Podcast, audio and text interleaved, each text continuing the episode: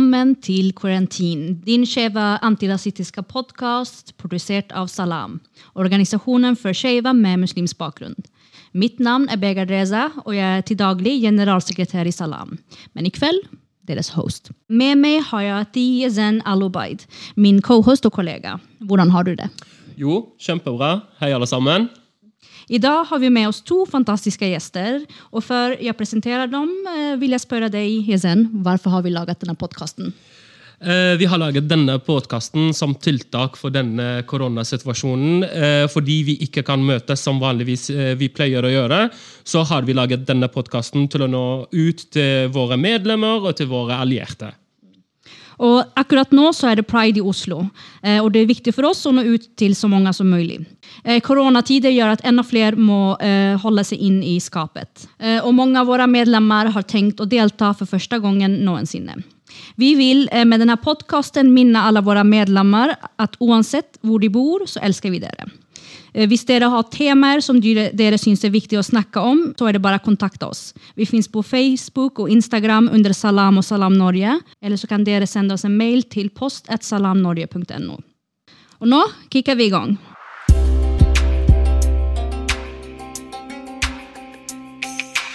Den første gjesten er Lara Okafor. Uh, og det er litt vanskelig å presentere noen som man uh, kjenner på veldig mange forskjellige måter. Men den første gangen som vi møtte hverandre, så var det faktisk hjemme hos meg på en skjev studiesirkel. Og under flere år har vi sammen uh, arrangert studiesirkel. Og med tiden så har vi arrangert tusen panel, panelsamtaler, seminarier og whatnot. Vi har dessuten svettet oss eh, i hjel med å lage bl.a. scener på skjeve festivaler i Berlin og København. Brick by brick. Lara, hjertelig velkommen. Hvordan har du det, og hvordan har du hatt det under korona?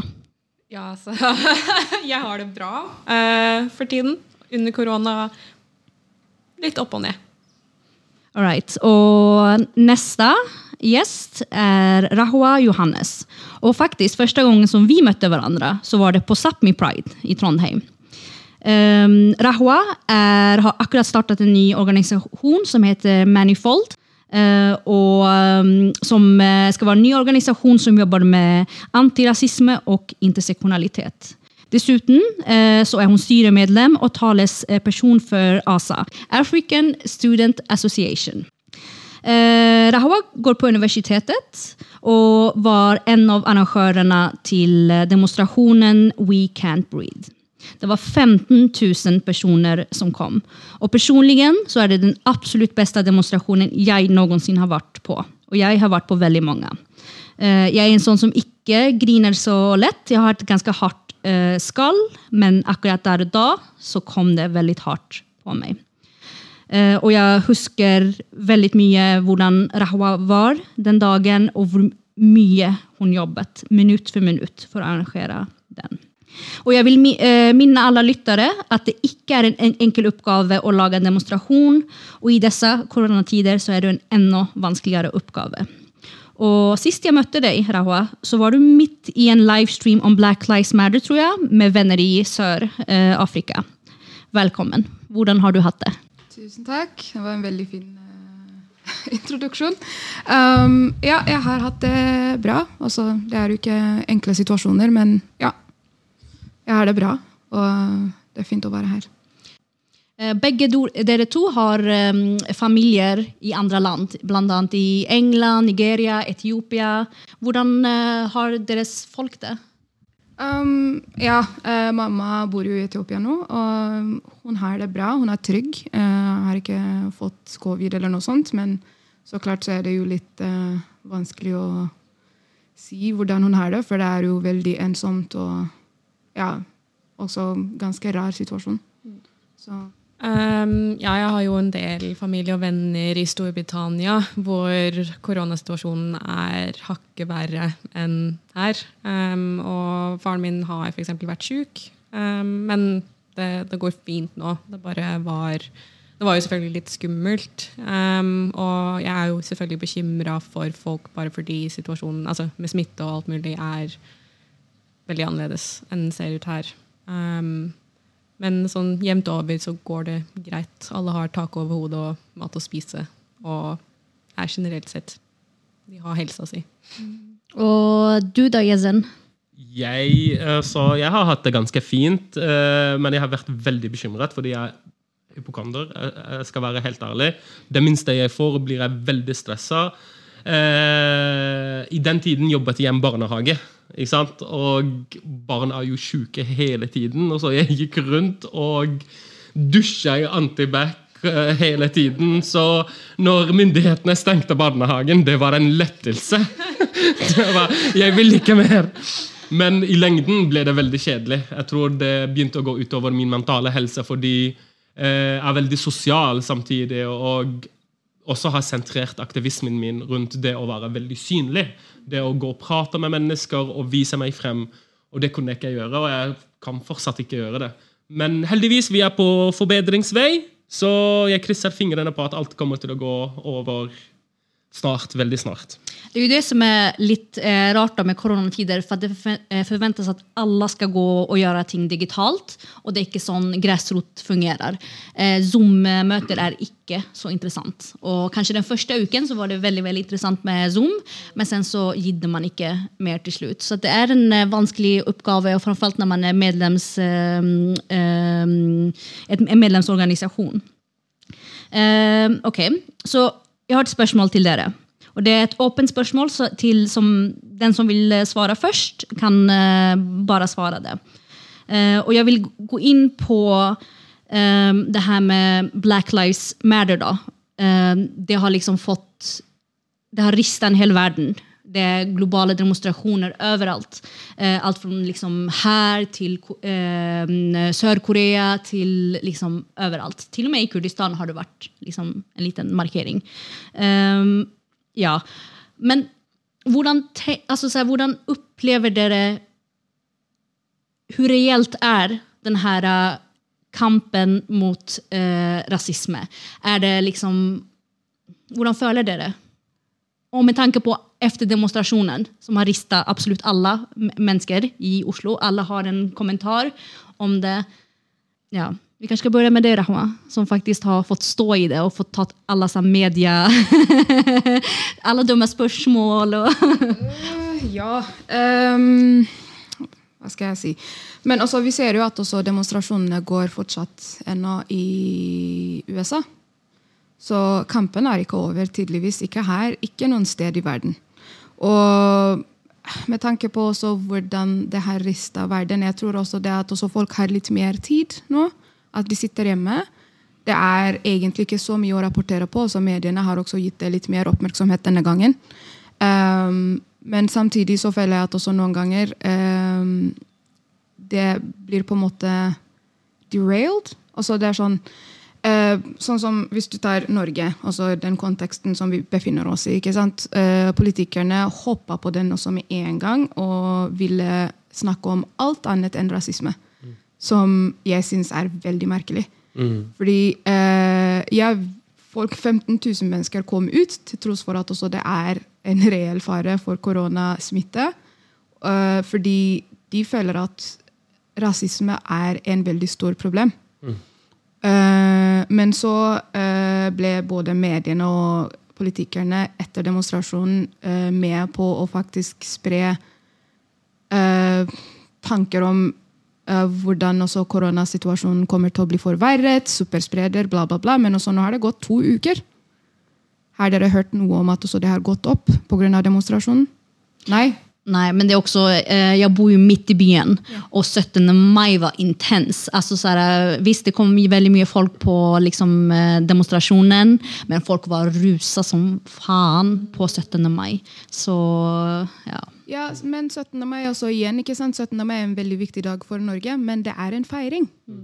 Det er ikke et krav om grunnleggende menneskerettigheter, og det er det altså folk glemmer det. Også en, et av artiklene som ble skrevet dagen etter, det handlet om at også, ja, vi, eh, vi, vi avlyste 17. mai-toget. Ja, det gjorde vi.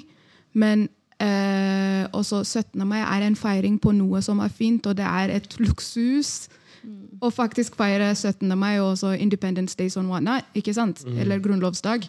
Eh, mens uh, det å komme ut uh, i midten av pandemi for å for å demonstrere og så kreve grunnleggende menneskerettigheter, er ikke et luksusproblem.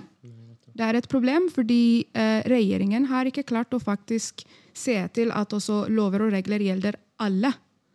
Og det er ikke noe som på en måte selektivt eh, altså Rettigheter er ikke noe som selektivt gjelder bare majoriteten. Så nei, også Jeg har veldig mange tanker rundt det, men uh, også jeg tror kanskje noen andre burde si noe først. Lara, hvordan uh, var det for deg? Både før, under og etter demonstrasjonen? Altså Siden jeg har vært i Oslo, så har jeg ikke sett så mange folk med masker på. Så mange folk som passa på med hånd, altså sånn desinfiseringsmiddel og alt mulig. Og faktisk passe på å være trygg, selv om det var så mange folk. Eh, fordi akkurat sånn, Jeg tror det var en eller to uker før det, så hadde alle barne, barne åpnet. Og måten folk sitter ute i uteserveringen som sild i tønne, det har jeg ikke sett bilder av på forsiden av Aftenposten. liksom. Um, så det er, igjen så er det liksom Det er veldig interessant hvor fokuset ligger med en gang rasisme og um, Ja, altså når det er en protest mot anti-blackness, da.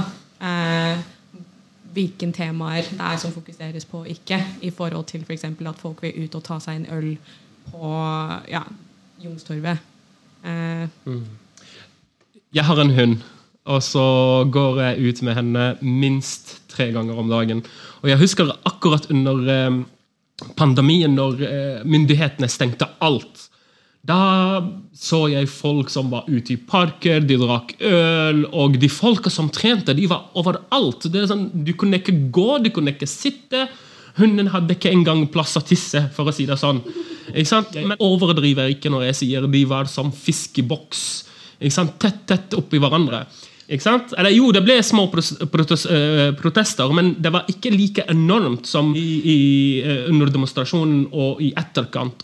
Og det får meg til et spørsmål. Hva er det som gjør at vi her i Norge, trygge, eh, rike Norge som beskrives som verdens lykkeligste land, hva er det som gjør at vi faktisk ikke kan skille mellom ordentlige og som du sa, eh, grunnleggende menneskerettigheter og sosial eh, sammenkomst.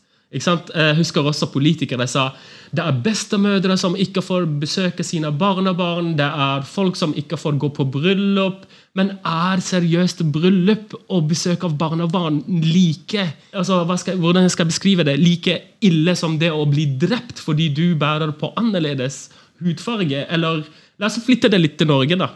I, I Norge så er det også masse racial profiling.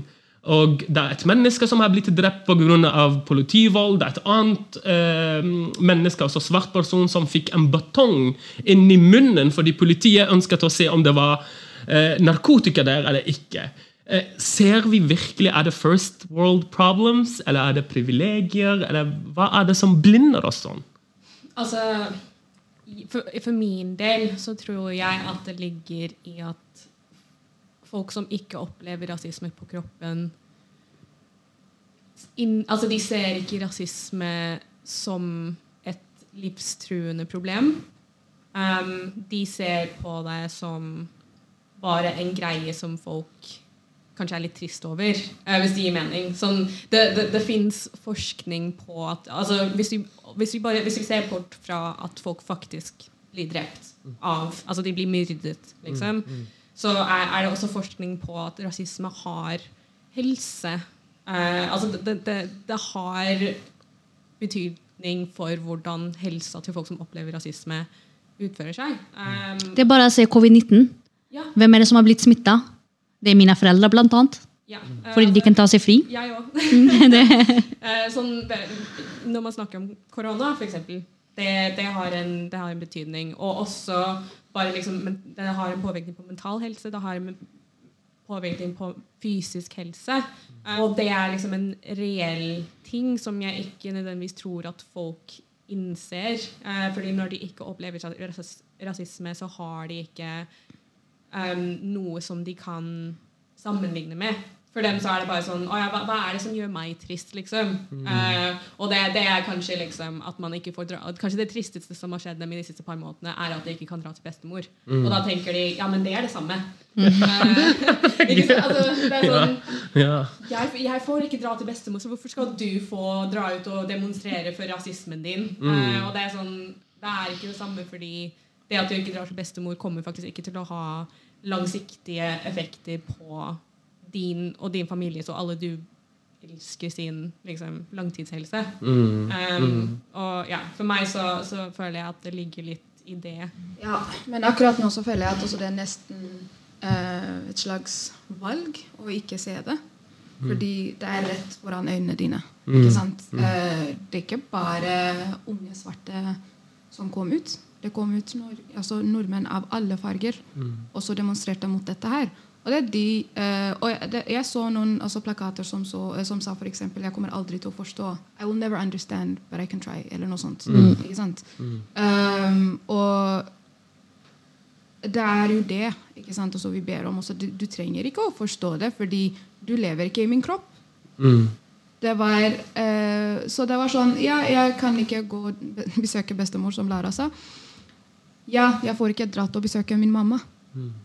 Men jeg sitter ikke også, jeg kommer ikke ut og så sier også jeg demonstrerer mot covid-19 fordi jeg får ikke dratt og besøker mamma i også et annet land. Jeg respekterte også covid-19-reglementene også hele veien frem til den demonstrasjonen. Og da også vi prøvde å tilrettelegge slik at også folk kan delta uten å måtte være der også fysisk. Men folk kom ut allikevel, og det sier jo mye om tyngden av eh, saken som vi snakker om. ikke sant? Og det å ikke forstå eh, og ikke ville se det, og det, det føler jeg at også det er nesten et valg. også Det er folk som kommer ut og så snakker om deres eh, opplevelser. Også fra barndommen til det å være voksen. Også min alder. Også jeg, vokste ikke, eh, jeg vokste ikke opp her, men samtidig så har jeg hørt så mange historier om hvordan rasisme finnes på alle nivåer her i Norge. Og jeg har opplevd det selv. Eh, Jeg har bodd her i tolv år, så jeg, sånn, jeg har opplevd det selv. og jeg har sett det i mange scenarioer. Men det å si at også, dere tenker ikke på det også, hva er, så, hva er den, altså, Hvordan skal vi da på en måte kommunisere dette her? Altså, fordi jeg er åpen for forslag. altså. Vi har snakket om det. Vi har skrevet om det. Vi har eh, hatt debatter. Og vi har hatt en demonstrasjon.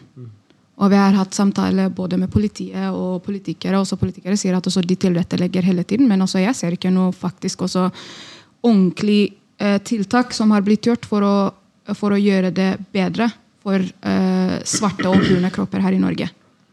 Så jeg bare lurer på hva er den rette måten å gjøre det på. Og jeg skjønner at også det er altså, unike tider som vi lever i, men samtidig så er dette her noe som har eksistert i lang, lang tid, over 400 år. Og det at også folk opplever det på kroppen ennå, og det at også den på en måte liksom nesten um, What do you call it? Rules their lives every day. Altså uh, fra altså barndom til uh, adulthood. Det er helt sykt at også man altså som et menneske i et land som liker å presentere seg selv som uh, det mest progressive landet i hele verden, ikke klarer å faktisk sette ordentlige tiltak for å bekjempe rasisme, og at vi fortsatt benekter at det finnes rasisme i Norge. Det er helt sykt. Ja. Um, ja. Återigen, den här eh, demonstrationen, för mig så var det det mest eh, radikale jeg har vært på. Fordi det var eh, appeller som var veldig eh, radikale, og blant annet eh, så var det, altså på tal om intersektionalitet, at eh, Daisy Nunes faktiskt eh, sa navnene til svarta transkvinner. Eh, og det her er liksom, Ok, Lara, du som har vært organisert i den eh, skjeve bevegelsen. Hvorfor er det så vanskelig å få vita skjeve inn på det her? Ja. um, det er et godt spørsmål. Um, jeg opplever at i hvilken som helst marginalisert gruppe så er det alltid noen som er um, skal vi se, altså, Noen som er litt nærmere å kunne assimilere seg inn i the mainstream. Um, og det, særlig i Norge, til veldig høy grad er mulig for hvite skeive folk. Sånn, og det, det er derfor jeg tror at det er så mye fokus på f.eks. Um, å kunne ha ekteskap, å kunne adoptere barn. Liksom sånne ting som er Altså, det er helt greit å ville ha det som mål, um, men som ikke er noe som nødvendigvis hjelper alle um, skeive. F.eks. svarte transkvinner um, har jo en del ting som de utsettes for, som ikke kan hjelpes av at de får lov til å gifte seg med den personen de vil. Um, og altså, når vi f.eks. bare sier navnet deres på transminnedagen etter de har dødd Ja, akkurat. akkurat. Um, det, det, er et problem. Uh, fordi vi, vi, ser ikke på alle de problemene som fører til at de er såpass mye mer utsatt for selvmord, for trakassering på gata, for å bli myrdet av folk. Både kjentfolk og eh, fremmede. Um, og en del av det som jeg har opplevd, f.eks., er um, inkludering av sexarbeidere i uh, forskjellige bevegelser, som veldig mange folk i Norge nekter å gjøre.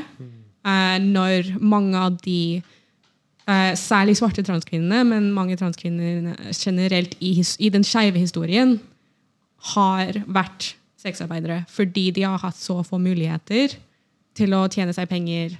Og når man liksom ikke ser på hvilke hverdagsrealiteter det er som gjør at de faktisk havner på den dødsstatistikken, men heller sier oss fornøyd med at vi kan gifte oss eller at vi kan adoptere barn.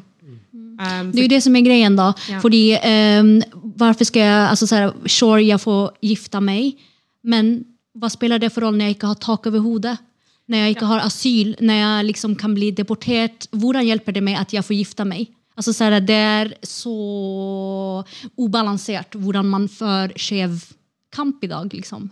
Ja, um, og jeg tror det at uh, sånn for hvite skeive folk i Norge, som har, særlig som har norsk statsborgerskap, da, um, så er det egentlig Det handler mest om hva er det som skaper ubehag for seg selv, um, og hva er det som er mest komfortabelt. Og det er sånn, Når du får løst akkurat de problemene som treffer deg i hverdagen, så er det kanskje ikke så veldig nødvendig å skulle se på de andre problemene som treffer andre folk i uh, det skeive miljøet. Ja. Eh, du nevnte historien, og så kom jeg på begynnelsen av dette. fordi når jeg tenker på den skeive historien, så ser jeg klart og tydelig at eh, Black Lives Matter går hele veien tilbake til 1968. Var det ikke det 1968 Stonewall eh, om eh, marsja? Jo, jeg tror det er 1968. Eh, og når disse kvinnene, disse brune og svarte transkvinnene, eh, gjorde opprør, så var det fordi de var lei av politibrutalitet, av volden de møtte i gatene, etc., etc. Så de gjorde dette opprøret. Men så ble bevegelsen hijacked ikke sant? av mennesker som ikke nødvendigvis hadde de samme behovene eller hadde sam, samme opplevelser. For eksempel, I den tiden kanskje hvite, skeive og, og transkvinner fikk ikke juling midt i åpen gate av en politimann bare fordi de var eh, trans og svarte kvinner.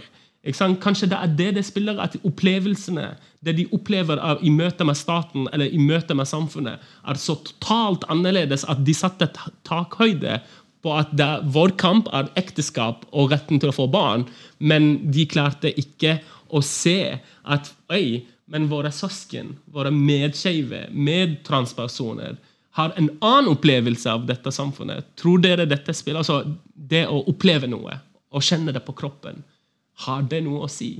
Altså, jeg har hørt på veldig mye podkast om Stonewall i det siste. Um, og det er altså, rett og slett um, Et av de største liksom, skeive organisasjonene på den tiden var sånn cirka bare hvite cis homofile menn. Um, og mye av den tiden de var aktive, så var de fokusert på å fremstille seg selv som vanlige middelklassefolk som var med hermetegn normale. Ja, akkurat. Um, så så altså, svarte transkvinner som drev med sexarbeid, passet ikke inn i det bildet. fordi det de prøvde å gjøre, var å assimilere seg inn i normen.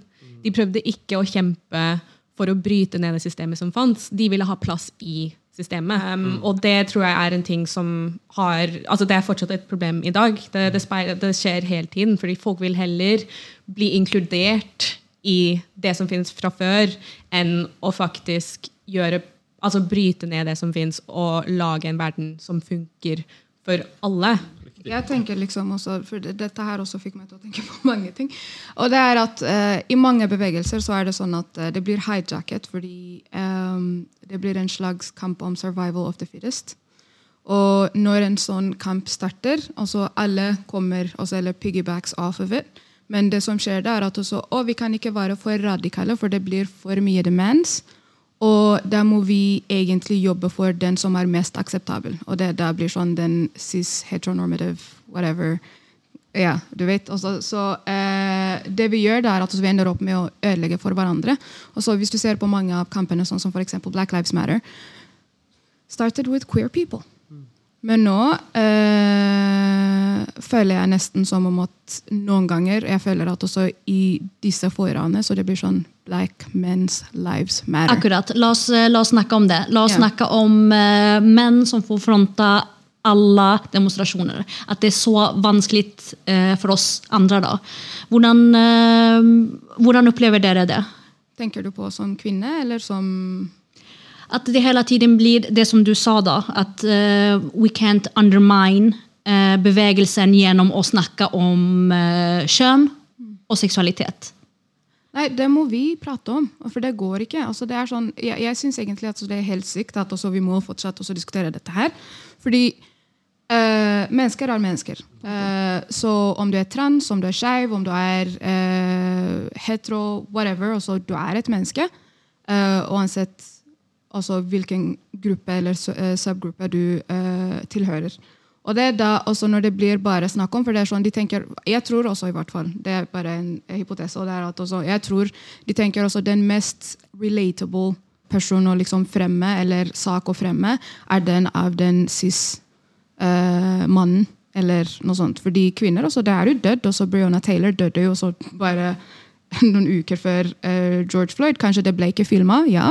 Men samtidig så vi så jo at det skjedde. Også det dør transfolk, det dør svarte folk som tilhører forskjellige grupper. Men eh, det blir alltid hijacket av også den eh, Hva heter det for noe? Den gruppen som er litt mer altså, Som er lettere å svelge for majoriteten. Og det må vi slutte med, for det, det vi bare ødelegger for oss selv. Fordi det er best å faktisk eh, være altså, ta kampen sammen, istedenfor å liksom, bare liksom pick den som er lettest, og faktisk gå for det. Så um, også I tillegg også, jeg tenker på det, det, det dere sa om også uh, hvite middelklasses uh, skeive menn. Uh, cis. Um, jeg har faktisk hatt en samtale med en mann som jeg møtte uh, en kveld. Møtte han, og så det, det var en hun, altså da var hun drag i drag, og hun var sånn veldig hyggelig. Vi snakket litt, og så vi møttes etter hvert når eh, han også var en mann. da. Og så begynte han å snakke om hvordan eh, den eh, hvite skeive kampen kan sammenlignes med den eh, svarte Altså antirasismekampen, da. Oh lord. Da, det var sånn, ja, jeg tror ikke du kan sammenligne det på den måten. Og det tar ikke noe fra din kamp at, også, at vi sier at også, det er ikke det samme. Og si f.eks. også kampen av også svart trans kvinner er noe annet enn f.eks. også the white cis male kampe Altså, det tar ikke noe fra eh, din opplevelse av situasjonen. Også fordi jeg bare prøvde å forklare til han. Også, jeg er jo hetero. Og når jeg er f.eks. i et land der det er veldig mye eh, altså, Hva heter det for noe? Eh, homofobi, så kan jeg egentlig ha eh, privilegier over den personen der, fordi han er skeiv. Ikke sant? Men det betyr ikke at også det tar noe fra altså min opplevelse i et sånn hvit space, der jeg føler det på kroppen at jeg er egentlig minoriteten, og at jeg er utsatt for noe som han nødvendigvis ikke er utsatt for når han ikke er i drag. fordi altså, han går ikke med, altså, med ansiktet på altså, med, han, han, går ikke med panna på at han er skeiv. Men samtidig så sånn, han opplever jo det han opplever. Han er undertrykt. Men du kan ikke sammenligne det, det, Vi må slutte å sammenligne oss. Vi må bare se for at folk har forskjellige opplevelser. De opplever veldig mye dritt. Og vi må bare validere og akseptere og tro på dem når de sier at de opplever noe som er ekstremt ubehagelig. De blir diskriminert. De opplever mye dritt. Det er det. Også. Så slutt å sammenligne. Bare se til at du ikke hijacker noen andre sin kamp.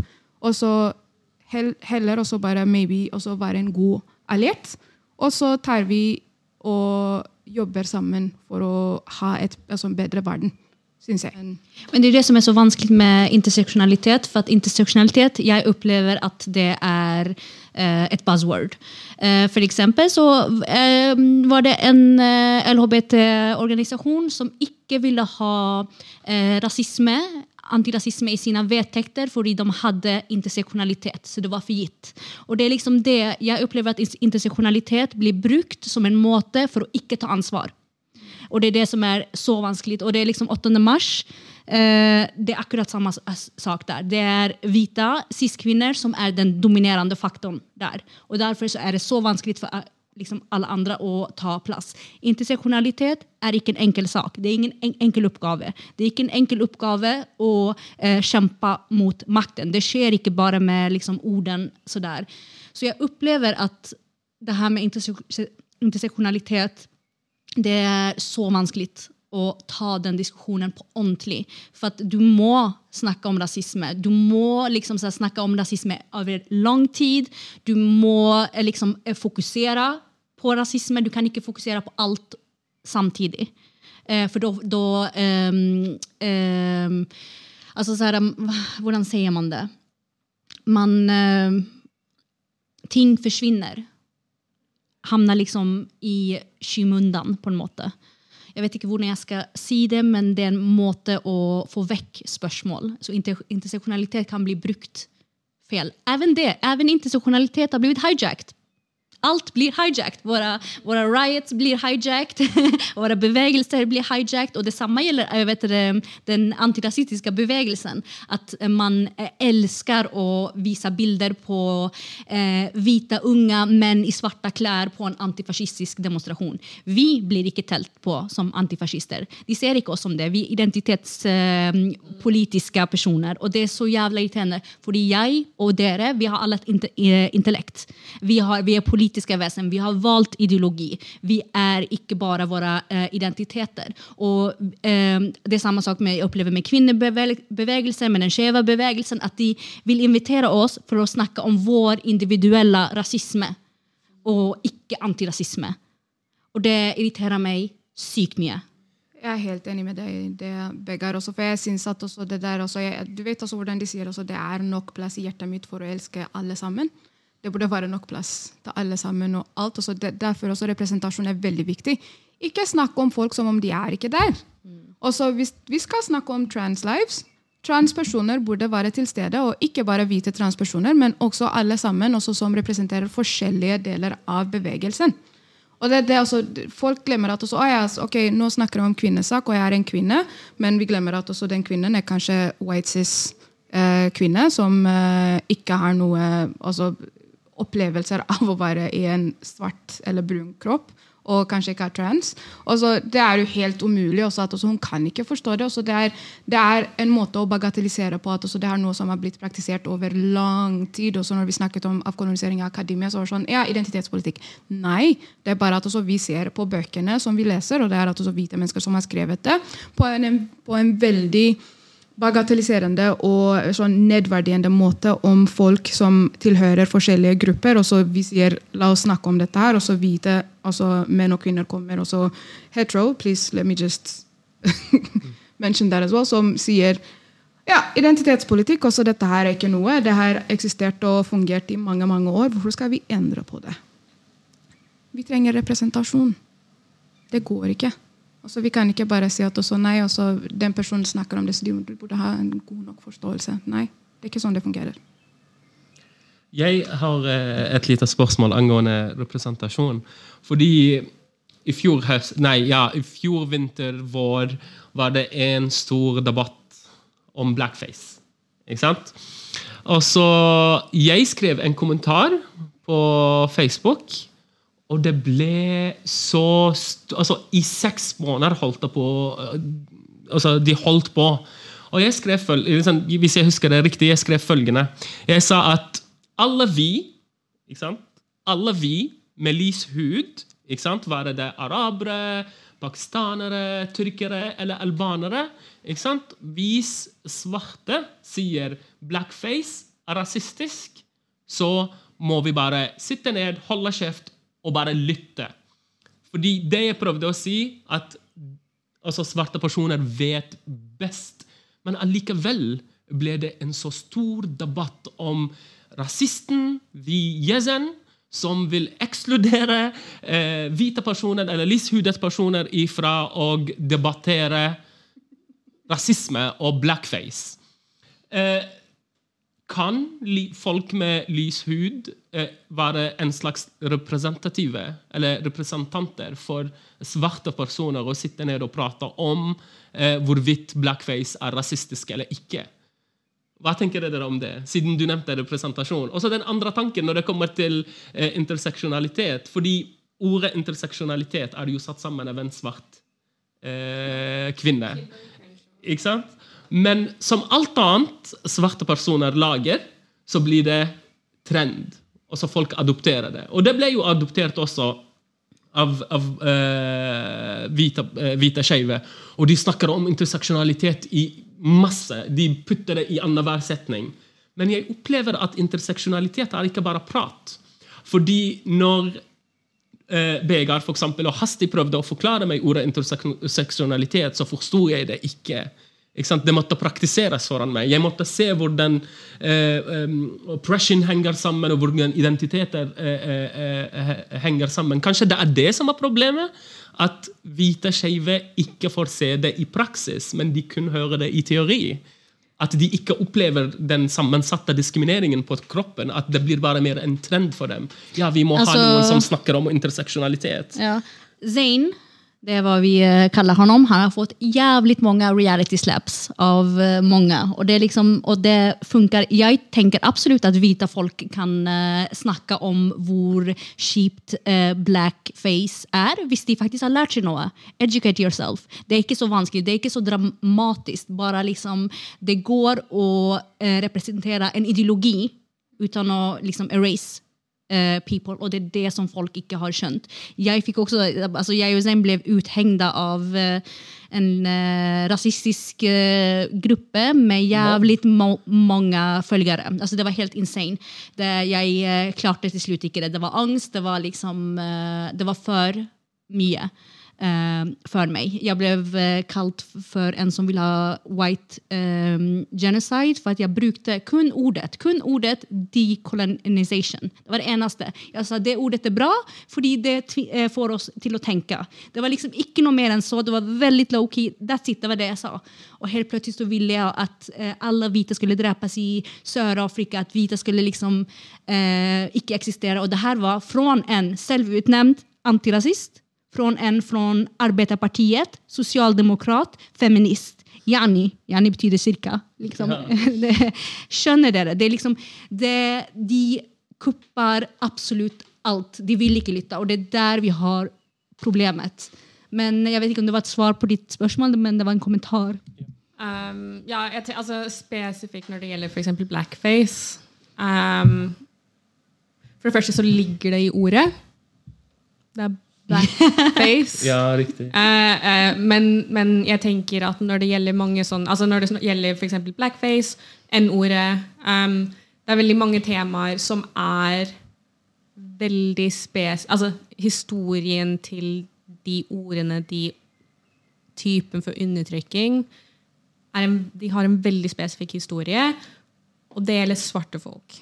Um, og jeg føler at noen ganger særlig, Jeg har særlig opplevd det i Norge, hvor det er veldig sånn Alt som er rasistisk, skal gjelde alle som opplever rasisme, hvis det gir mening. Mens noen ting faktisk er veldig spesifikke opplevelser som spesifikke grupper har med å gjøre. Og jeg, har, fakt- jeg skrev bloggpost i 2014 om en opplevelse jeg hadde mens jeg gikk på folkehøyskole her i Norge, hvor noen var i blackface opp på scenen. Um, og da, da drev jeg liksom og søkte litt på ja, hva er norgeshistorien her. Uh, Norge har hatt noe som heter Human Zoo uh, i Oslo. Hvor man har en slags fornøyelsespark hvor man bare kommer og glor på svarte folk. Um, og tar på dem. Uh, Norge har en Har en spesifikt anti-black historie. Eh, Norge har ikke Altså, man kommer ikke unna, unna anti-blackness som en ting i seg selv. Og når det gjelder blackface, så tenker jeg at det er ikke sånn at folk som ikke er svarte, ikke får lov til å være med i samtalen. Men det, det handler om det med liksom Prøver du å viske ut svarte stemmer fra samtalen? Prøver du å snakke om det som om det er din Altså spesifikt din undertrykkelse, um, når det ikke er det? Eh, da, da, da, da går det litt i surr for meg når, når folk som ikke er svarte, skal begynne å snakke om det som om det er deres plass til å si ja, men jeg, jeg, det, det er ikke et problem for meg, liksom. Så hvorfor skal, hvorfor skal vi bli Det er sånn, ok, det, det er, Selvfølgelig er det ikke et problem for deg, fordi det er ikke noe som spesifikt uh, Som du er spesifikt liksom en target for.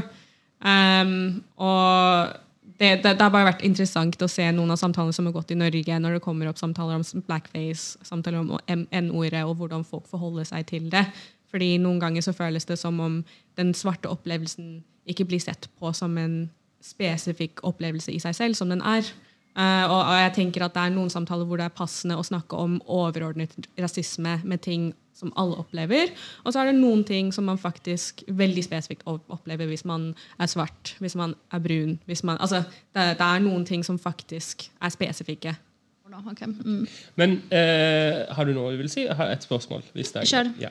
uh, etter hver stor bevegelse og protester eh, og store debatter, da, så kommer det ting Jeg vil kalle det post-debatten. Debatten etter debatten. Og Vi så det i metoo, og nå ser vi det med rasisme og Black Lives Matter. Eh, under metoo kom det en hashtag 'not all men'. Ikke sant? Eh, hvor liksom, ikke alle menn er overgripere, overgripere. Det er faktisk noen menn som har respekt for kvinner etc. Et Og nå ser vi den samme tendensen dukker opp i Black Lives Matter. Det er, ikke alle er rasister. Nei, du kan ikke si at alle er rasister. Men jeg kan ikke huske, altså, hvor kommer dette ifra? Hvordan kan slike viktige debatter utvikle seg til en sånn slags selvforsvar? Ikke alle menn og ikke alle er rasister.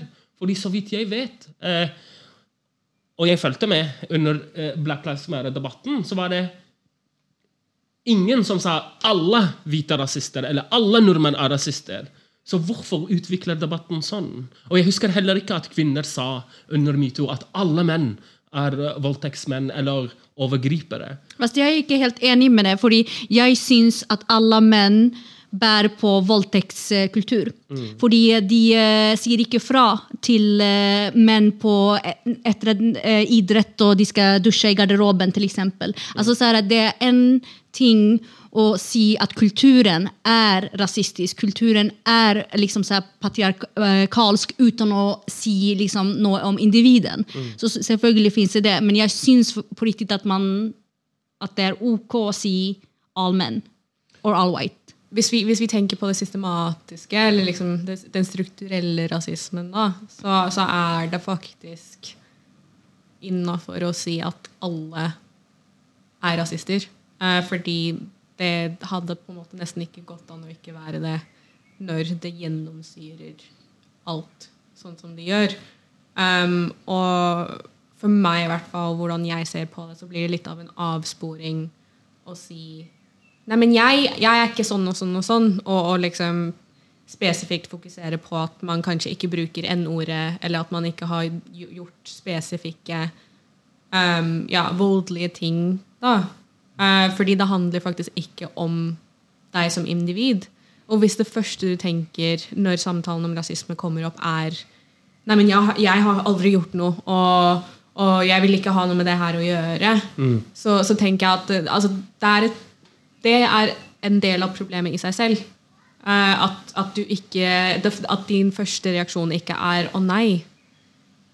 Men har jeg gjort noe? Kanskje jeg burde begynne å gå inn i meg selv og tenke gjennom alle de tingene jeg har liksom fått inni meg fra, fra å ha vokst opp i det samme. Sånn, høre på det folk faktisk sier, og tenke hm, Hva er det som faktisk skjer? Er det, er det mulighet for at jeg kanskje har tatt inn ting som er rasistiske?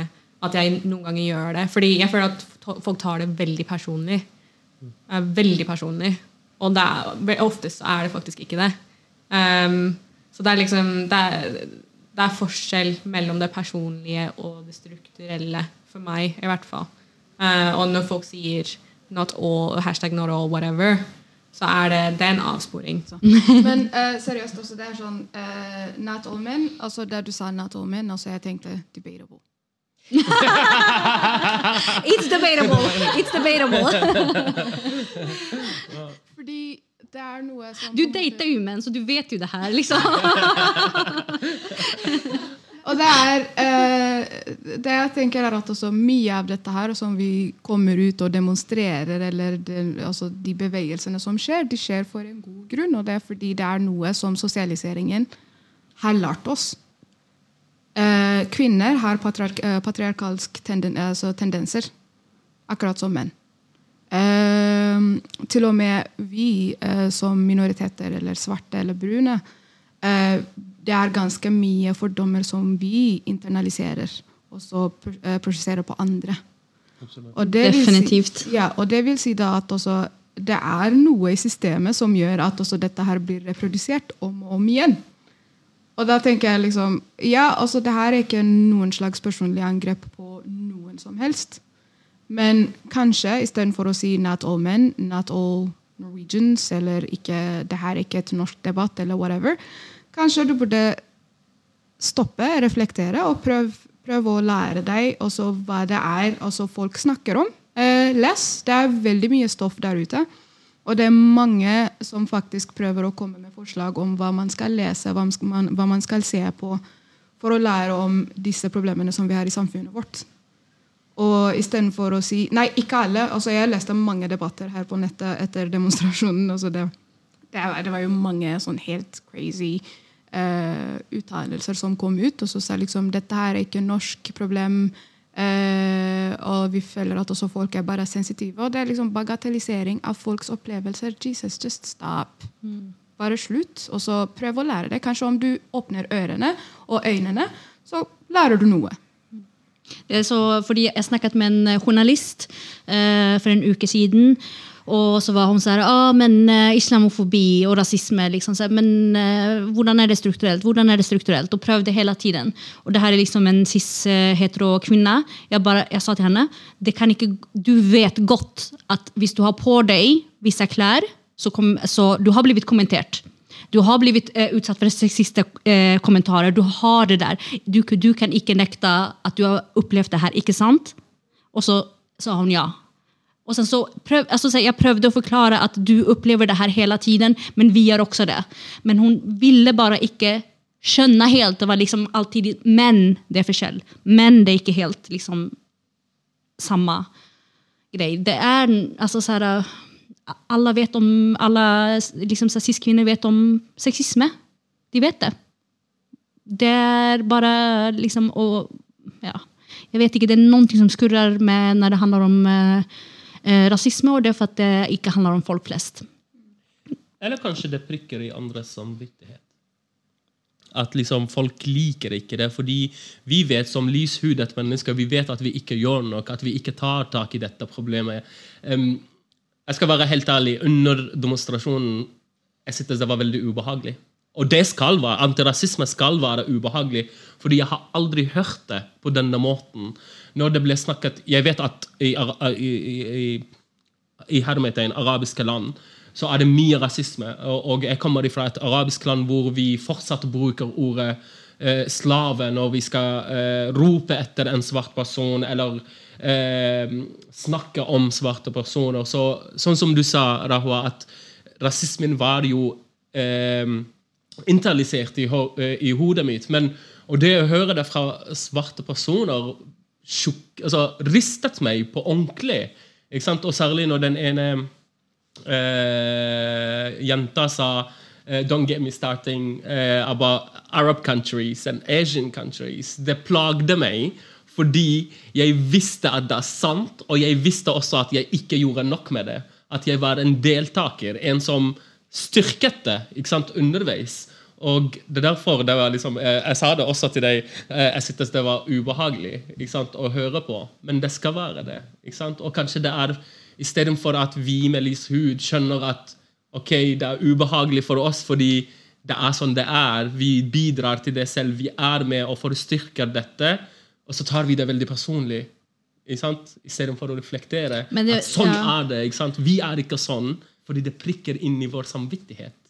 Eller? Ja, absolutt. Men det er sånn, hvis du eh, spør eh, en araber som har vært i Dubai, eller hvilket land som helst, de vet det. De vet hvilke det er som eh, jobber for ingen penger for å bygge luksushoteller eller luksuskjøpesenter eh, osv.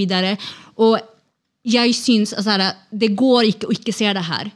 Så det er noe annet. Det er at du ikke vil deale med det. Det handler rett og slett om at du ikke vil deale med det her, for du, du ser det her.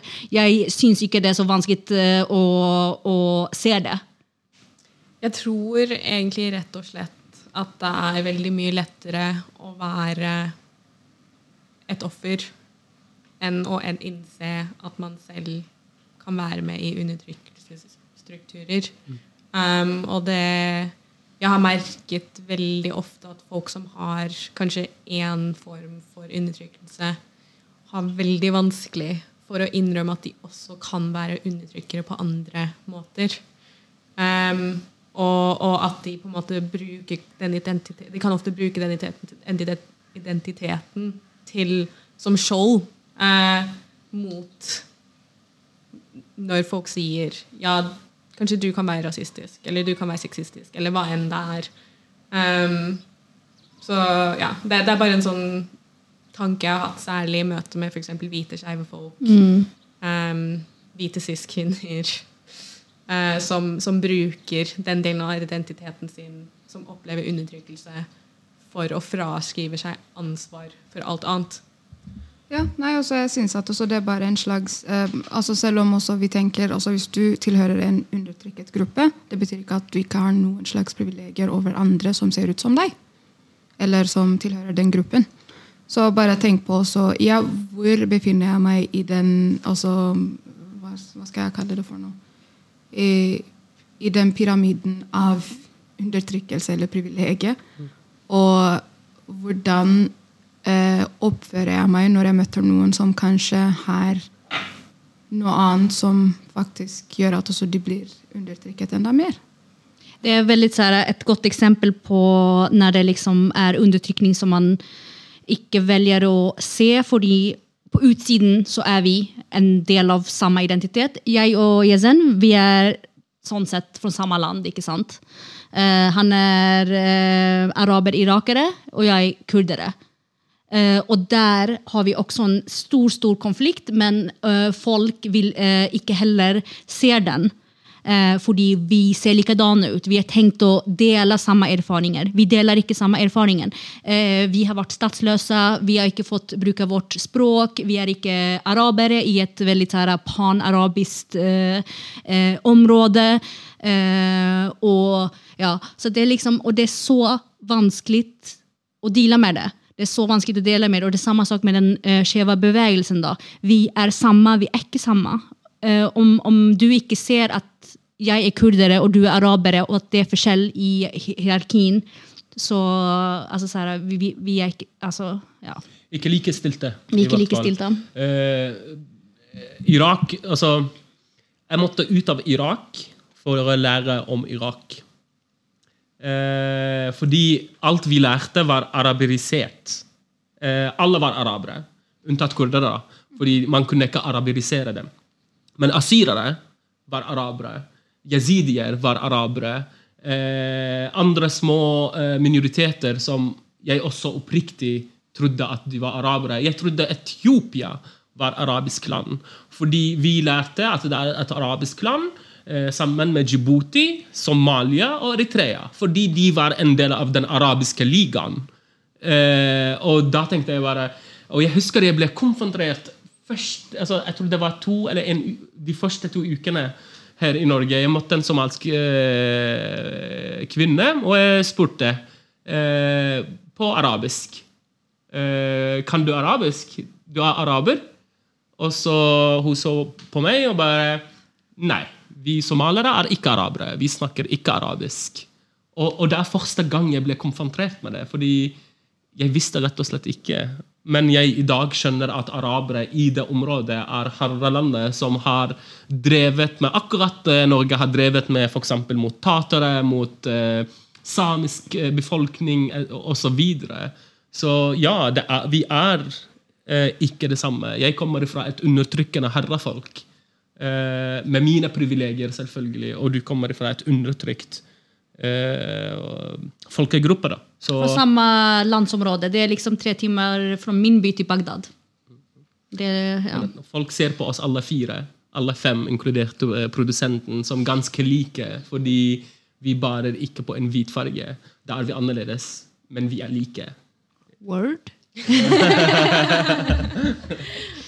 ja, jeg tror at vi må um, runda av litt her, for nå har vi snakket eh, i strax en time. jeg er en sånn som liker sånne lange långa så eh, it's a good thing. og vi har sagt så mye bra ting her. Eh, men hvordan avrundar man en sånn her samtale egentlig? Alltså så her, kampen fortsetter, diskussionen fortsetter. Eh, vi har alltid bare startet. Vi har alltid bare startet en antirasistisk kamp egentligen. Ehm, ja. Vi skal i hvert fall ikke takke for oss, fordi det er flere episoder som kommer. Uh, men vi takker våre gjester. Tusen hjertelig takk for at dere ville være med oss. Og Tog dere tid? tusen hjertelig takk. Og så uh, tusen takk til eh, vår produsent producent eh, Mulan Friis. Takk for oss.